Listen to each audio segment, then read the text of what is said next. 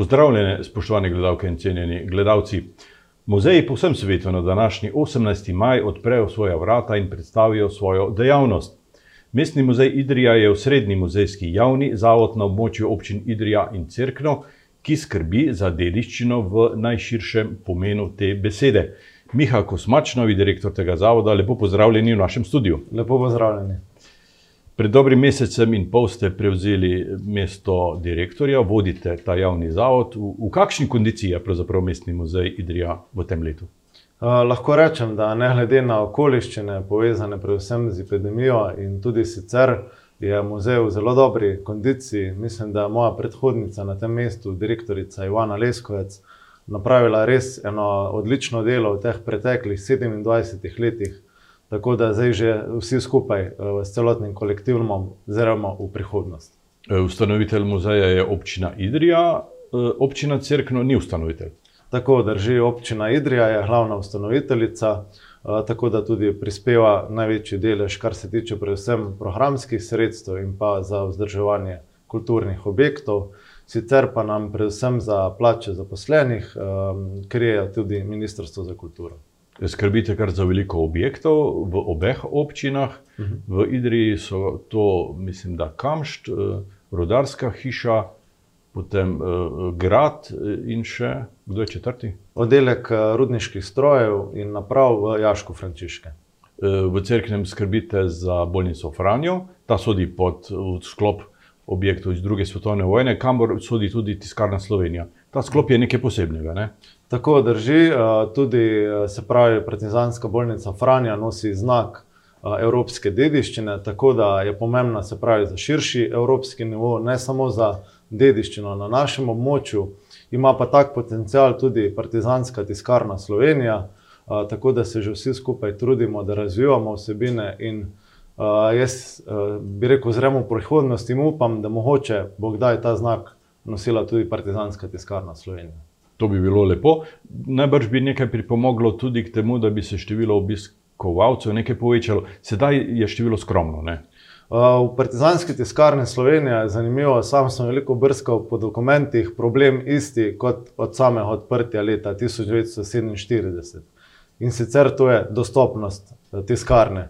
Se pravi, predvsem uh, iz spodnjega dostopa, se pravi iz smeri Kanomlje, je cesta uradno gozna cesta, tako da sicer sami skrbimo večji del za dostopnost, se pravi za čiščenje tega kamenja, odvodnavanje, ampak vse drugo pa pravi, se pravi ni v naši pristojnosti. Tako da jaz si nadejam, da bomo skupnimi močmi, se pravi zavodom za gozdove in pa tudi občino, tudi ta dostopnost v prihodnosti premaknili, bi rekel, z mrtve točke, da se nekaj spremeni ob tem pa najbrž ne stavite na masovni turizem, ampak na to obliko butičnega turizma in predstavljanja dediščine. Tako, ampak bi rekel, podobno kot tudi za bolnico Franjo, največji, bi rekel, naš uh, motiv so mladi, otroci. Uh, tukaj se pa seveda pojavlja problem dostopnosti z avtobusom.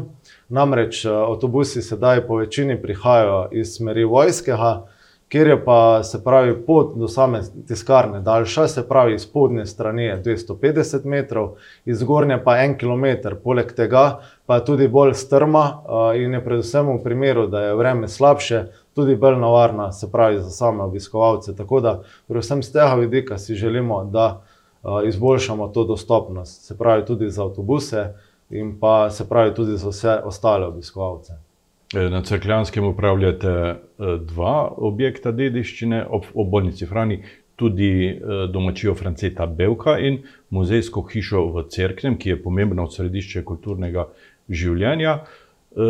Belkova domačija, razstava na njej kliče po posodobitvi, najbrž. Ja, ampak lahko že z veseljem povem, da naslednje leto, ko obeležujemo 70. obletnico, pripravljamo celo plejado, lahko rečemo, aktivnosti. In ena izmed pomembnejših bo tudi prenova, se pravi, zgornjega nadstropja Belkove domečije, kjer pripravljamo posodobljeno muzejsko razstavo. E, v muzeju je zaposlenih 16 sodelavcev. Kdo vam zagotavlja sredstva za plače? Se pravi, osrednji del sredstev za plače predstavlja Ministrstvo za kulturo. eno zaposleno krije občina Idrija, dve zaposleni pa krijemo iz lastnih virov, in pa en del tudi s pomočjo projekta Evropske unije. Ti lastni viri niso tako majhni, konec koncev, okrog 20 odstotkov ne bi znašali. Tako bi rekel, to je specifika mestnega muzeja Idrija v primerjavi z drugimi slovenskimi muzeji, ki ponavadi zagotavljajo do nekje do pet odstotkov lastnih sredstev, se pravi za razvoj muzejskih programov in vsebin, pa mi namenjamo kar približno 20 odstotkov. Tako da tukaj smo zagotovo nekaj posebnega, je pa to naša specifika. In predvsem se pravi zaradi števila objektov, ki jih upravljamo, in zaradi števila programov, predvsem ki jih ob tem izvajamo, smo pač v to na neki način primorani, zato da za vse obiskovalce držimo en ta nivo, ki ga od nas ne nazadnje tudi pričakujejo. Najbrž največ vstopnine poberete v Franji. Drži, čeprav lahko rečem, da se ta delež sedaj iz preteklih let nekako manjša, trudimo se, da predvsem dvigujemo obisk na gradu Geverkenik, kjer smo v ta namen tudi zasnovali nove programe, kjer pa je osrednja naša figura Marina Merklarica. V Franji je potrebno tudi veliko vzdrževalnih del, kako jih financirate? Pretežen del financiramo iz lastnih virov, en del tudi, se pravi, iz občinskih sredstev ali pa s pomočjo razpisov projektov Ministrstva za kulturo.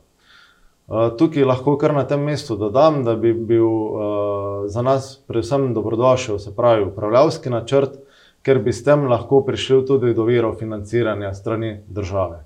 Čeprav ta upravljavski načrt se vleče kot jara kača, pravzaprav pred desetimi leti je bil dokument že izdelan. In kje je končal? V predalih na občini?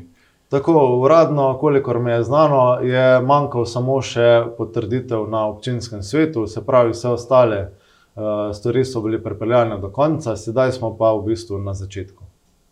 če sem prav informiran, so na občini naročili kar nov dokument. Kaj zamerijo temu staremu? to pravzaprav ne vem, tudi na uvodnem sestanku to nismo izvedeli. Lahko pa rečem, da smo vsi pripravljeni, da se zavedamo te problematike in da dejansko pridemo do tega upravljavskega načrta, kar je bistveno predvsem za ohranjanje varovanja spomenika, kot je Partizanska bolnica Franja. Že prej ste omenili, da bo muzej prihodnje leto obeleževal sedemdesetletnico ustanovitve. Boste ob tej priložnosti prenovili katero od postavitev? Mi v bistvu načrtujemo več aktivnosti, namreč ob sami sedemdeseti letnici muzeja imamo tudi petinštirideset let, se pravi, Cerkljanskega muzeja. kot vemo, se pa približujemo tudi osemdesetletnici Partizanske bolnice Franja, tako da skratka, vse te naše aktivnosti bodo nekako povedane, povezane med seboj, nekatere bomo tudi že napovedovali, druge pa, se pravi, pripravljamo. In sicer pripravljamo cikel razstav, ki bojo, se pravi, v naši izvedbi. te so deloma likovne, deloma pa bojo muzejske, se pravi, načrtujemo dve večji likovni razstavi, še ena obletnica, ki se pa nam pojavlja, je pa trideset let, se pravi, Slovenije odprte za umetnost, kjer je muzej tudi med soustanovitelji. tako da drugo leto se nam res pokrije nekaj jubilejev, tako da načrtujemo tudi predstavitev te razstave. Sicer pa načrtujemo eno večjo osrednjo muzejsko razstavo, nekako smo jo trenutno z delovnim naslovom poimenovali Sedemdeset predmetov iz, se pravi, naših depojev, ki do sedaj še niso bili videni in bojo zagotovo prav pašejo za oči. In pa seveda povezane zgodbe s temi predmeti, kar je pa, se pravi, v, v skladu z današnjimi trendi v muzejski stroki. Potem pa se skušamo tudi z eno razstavo na Muzejskem trgu približati, pa se pravi, tudi širši javnosti, se pravi, vsem dejansko mimoidočim. Tako da bi rekel, tudi na en tak bolj splošen način predstavimo naše poslanstvo in pa predvsem razvejano delovanje. Vaše poslanstvo je tudi zbiranje in čuvanje teh predmetov. drži podatek, da jih imate šestindvajset tisoč kosov? To je ogromno, ne? Mi imamo v bistvu šestindvajset, preko šestindvajset tisoč enot inventariziranih v muzejski inventarni knjigi. Se pravi, kosov je še bistveno več, ker so nekateri predmeti vpisani in imajo več kosov. Imamo pa tudi še skoraj 10 tisoč predmetov v, akcesis, v akcesijski knjigi. Se pravi, teh predmetov je res veliko. Poleg tega so pa še ti, ki so na stopni vhoda, se pravi, so prišli v muzej in jih je potrebno še obdelati. Um, tako da tudi z tega vidika je pravzaprav ta depojski prostor, ki ga večkrat izpostavljamo, za nas res en problem, oziroma ga vidimo kot izziv, da ga v prihodnosti rešimo. E, tukaj so najbrž problem predstavljajo težki predmeti, povezani z rodarstvom, z dedično. Najbrž e, za hranjenje teh predmetov sedaj nimate primernih prostorov. Drži, poleg bi rekel teh večjih predmetov, pa je problem predvsem se pravi pogoji za hranjenje predmetov. Namreč za to, da se predmeti na dolgi rok ohranijo, potrebujemo predvsem konstantno temperaturo in pa uravnavanje vlage in pa tudi osvetlitev je pomembna, tako da vsi ti pogoji, osnovni, je potrebno za vsak posamezni predmet prilagoditi. Se pravi, uh, če malo posplošim, kovine imajo svoje specifike, les ima svoje zahteve, steklo, obleke, se pravi, vse ti predmeti. Predvsem pa recimo tudi bogata zbirka naših likovnih del je tista, ki v bistvu zahteva svoje posebne pogoje varovanja in ohranjanja. Kako je s tem varovanjem pred leti? So bili tatovi v vaši eh, Biblerjevi zbirki, so ukradli kar nekaj predmetov, eh, v bolnico Franjo, mislim, da so ob eni priložnosti tudi okradli. Mhm. Kako je z varovanjem sedaj urejeno? Uh, varovanje je, bi rekel, na najvišjem možnem nivoju. Imamo posebno službo, ki skrbi za to. Uh, poleg tega pa izvajamo tudi redne preglede, se pravi, vsi naši uh, zaposleni in pa ti, ki delajo na muzejski recepciji, skrbijo za redne obhode, opozarjajo obiskovalce. Tako da, skratka, kar se tega tiče, skrbimo v največji možni meri. Živimo v času digitalizacije. Kaj ta proces prinaša na vaše strokovno področje? Torej, največja sprememba je, bi rekel, z tega osnovnega poslanstva muzeja ta, da so se včasih predmeti upisovali v ročno inventarno knjigo, sedaj pa jih upisujemo v digitalno inventarno knjigo, se pravi, predmete zberemo na terenu, jih potem zberemo vse zgodbe povezane z njimi, proverimo provenienco, se pravi, izvor tega gradiva in jih na to obdelamo z ustreznimi metapodatki. Tako da to je potem tista zadnja stopnja, ko predmet dobi inventarno številko. Digitalizacija najbrž posega tudi na področje predstavljanja te dediščine. E, tukaj ste prinesli seboj v studio knjigo Tihotapka Melchiorca, ki jo naši gledalci e, najbrž že poznajo. En del teh zgodb lahko, do enega dela teh zgodb lahko obiskovalci dostopajo tudi digitalno, drži to? Držijo, tukaj se poslužujemo modelov te obogatene resničnosti, konkretno v tem primeru Marine Melchiorca je to AR. Se pravi, da lahko uh, bralci, poleg tega, da berejo, listajo, uh, tudi s pomočjo telefona, pridejo do nekaterih skrivnosti, ki so skrite prav pod temi kodami v uh, slikanici. Živimo v času epidemije, ki to poletje je malo pojenjala, pa vendarle, kako ste v zadnjih dveh letih pod temi pogoji delovali? Težko. Uh, težko, bili smo tudi večkrat uh, zaprti. Uh, najdaljše obdobje, mislim, da je bilo mesec in pol. Uh, poleg tega se je to poznalo predvsem pri organizaciji dela in pa seveda pri upadu števila obiskovalcev. Tako smo recimo v lanskem letu zabeležili 58 odstotkov obiskovalcev v primerjavi z zadnjim, da tako rečem, normalnim letom, letom 2019. V delovanju vašega zavoda je pomembna tudi izdajateljska eh, dejavnost eh, za idrijske razglede. Eh, tukaj imamo v roki to zadnjo številko iz lanskega leta, skrbite že zelo dolgo. Ne? Tako več kot 50 let, tako da bi rekel, ta izdajateljska dejavnost je ena izmed tistih načinov, kako tudi bi rekel svoje. Svoje proučevanje in svoje primarno delo v bistvu predstavljamo širši javnosti. Uh, Ta domoznanska revija je zagotovo, bi rekel, tudi v širšem slovenskem prostoru priznana. Tako da tudi, bi rekel, primarno sicer objavljamo prispevke iz Idrijsko-Cerklanske regije, seveda pa pri tem, glede avtorjev, ki sodelujejo pri tem, pa nismo omejeni. Tako da se res trudimo, bi rekel, zajeti širši slovenski prostor in da vsi, ki se ukvarjajo z našim prostorom, imajo tudi možnost objavljati uh, svojih spoznanj. V teh dneh nadaljujete serijo predavanj, muzejski večeri, ki so po novem na gradu. Tako, tukaj je predvsem zaradi se pravi COVID-a prišlo tudi do ene te manjše spremembe v programu. Želeli smo namreč ohraniti kontinuiteto muzejskih večerov, ki tečejo že 39. sezono. Po drugi strani smo se pa že ob načrtovanju teh, tega programa zavedli, da v času zime, ko so ponovadi potekali, se pravi nekje od oktobra do februarja, bomo po vsej verjetnosti ali zaprti ali pa omejeni, kar se tiče možnosti obiska. Tako da smo zavestno, nekako začasno premaknili ta termin muzejskih večerov, se pa veselimo že, bi rekel, realizacije. E, če povemo nekaj vaših osebnih podatkov, eh, lahko rečemo, da ste gimnazijo obiskovali v Idriji. Eh, fakulteto za humanistične študije pa v Kopru in da ste eh, po izobrazbi doktor znanosti z, z dizertacijo preselitev prebivalcev iz Istre in Sudeto po drugi svetovni vojni. Kako vas je ta tema tako vznemirila, da ste doktorirali iz tega? Ja, bi rekel, tekom študija sem imel možnost dela kot mladi raziskovalec tako da smo potem skupaj z mentorjem in somentorjem iskali tematiko, ki na tem področju še ni bila obdelana, predvsem z vidika primarnih arhivskih virov.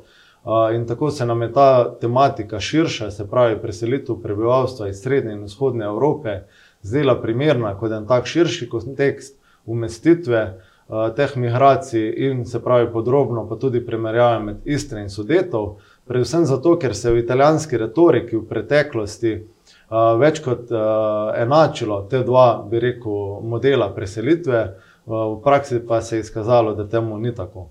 Sedem let ste bili zaposleni tudi na obali. E, ti prostori dihajo malce drugače, idrijsko, crkljansko ali kopr in izola. Ne? Ja, drži, predvsem mogoče z vidika te odprtosti, pa tudi neke komunikacije so veliko bolj dostopni.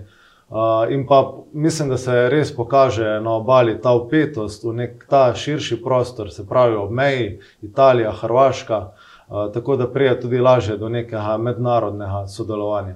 Nekaj tega prepiha ne bi škodovalo tudi v naših krajih. Drži, drži, predvsem moramo, bi rekel, razširiti obzorje, kar se tiče razmišljanja, da ne vidimo zgolj, bi rekel, sebe, lastne interese, ampak da skušamo gledati na skupno, širše dobro. Pet let ste bili v službi v Idriji kot kustos v muzeju. To je dobra podlaga sedaj za vašo novo funkcijo direktorja.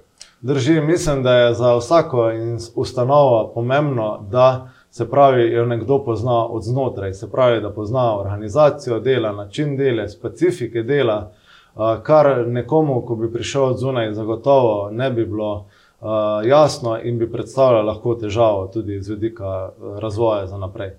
Sicer pa sem izbrskal tudi podatek, da, da ste košarkarski sodnik. Drži. Um, tu mi, po mojem, pride predvsem prav z vidika, se pravi, neke mirnosti, motivacije, pa tudi predvsem psihologije, ki je zelo pomembna za to, da recimo hkrati deset igralcev in dva trenerja na igrišču spraviš v ene okvirje. Tako da je tu ena specifika, ki mi zagotovo pride prav tudi pri mojem delu. Podobno število uh, zaposlenih imate sedaj tudi v vaši ekipi na muzeju. Tako malo več, 16, ampak ja, si pa pomagamo, moramo reči, tudi z našimi zunanjimi sodelavci. Uh, brez njih, predvsem vozniške, vodniške službe, ne bi uh, morali opravljati. Tako da na tem mestu se tudi vsem zahvaljujem. Moram reči, da je pomembno res izpostaviti, da brez neke te predanosti muzeju, pripadnosti, Eh, in pa velikih entuzijastov, vseh, eh, ki z njim sodelujejo, sigurno ne bi muzej bil v tako dobri kondiciji, kot je. Miha Kosmač, hvala lepa za obisk v našem studiu, hvala lepa za ta pogovor in seveda bilo želja za dobro in uspešno vodenje muzeja v prihodnje vam želim. Hvala tudi vam, bi pa na tem mestu še vse gledalke prosil, da si ogledajo razstavo Albina Stolina, Kipi ki je zagotovo ena paša za oči, ena posebnost v našem prostoru. in pa seveda, da, se, da spremljajo program muzejskih dogodkov, se bo zagotovo vsak našel nekaj za sebe. Hvala. E, vam, spoštovane gledalke in cenjeni gledalci, pa hvala za e, pozornost in seveda povabilo v prvi priliki obiščite muzej v Idriji ali v Cerknem zakojci na vojskem, kjerkoli in se srečete s to našo bogato dediščino. Srečno!